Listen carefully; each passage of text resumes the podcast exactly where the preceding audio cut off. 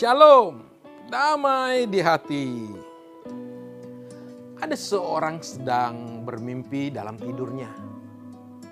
Dalam mimpinya, ia menemukan dirinya sedang berjalan-jalan.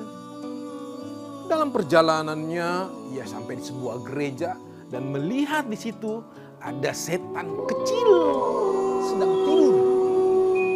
Ia merasa heran melihat hal ini. Ia melanjutkan lagi perjalanannya dan sampai di sebuah gereja yang lain. Ia juga melihat di atas gereja terdapat banyak sekali setan yang sedang ribut. Berjalan ke sana kemari, berteriak ke sana, berteriak ke sini.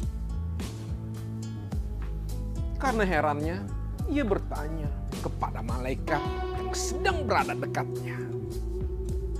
Pak malaikat, sebenarnya apa yang sedang terjadi?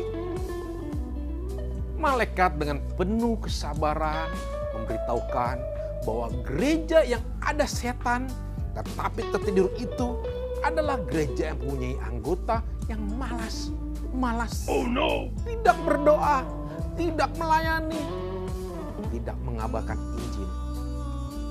Maka pimpinan setan menganggap gereja itu cukup dijaga oleh satu setan yang malas. Tetapi gereja yang banyak dijaga oleh setan adalah gereja yang hidup. Wow! Anggota jemaatnya rajin berdoa, rajin Wow. melayani, rajin mengabarkan Injil. Sehingga pemimpin setan merasa kewalahan untuk menghadapi anggota jemaat seperti itu. Sebab itu ia mengutus banyak setan untuk mengacaukan mereka. Tetapi kuasa doa mereka membuat setan-setan tidak berdaya.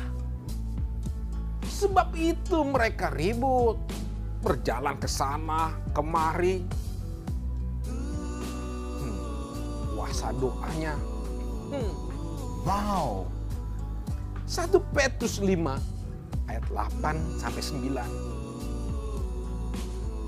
Sadarlah dan berjaga-jagalah lawanmu si iblis berjalan keliling sama seperti singa yang mengaum-ngaum dan mencari orang yang dapat ditelannya.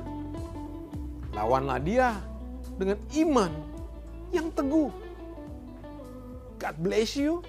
Salam anak Mongki.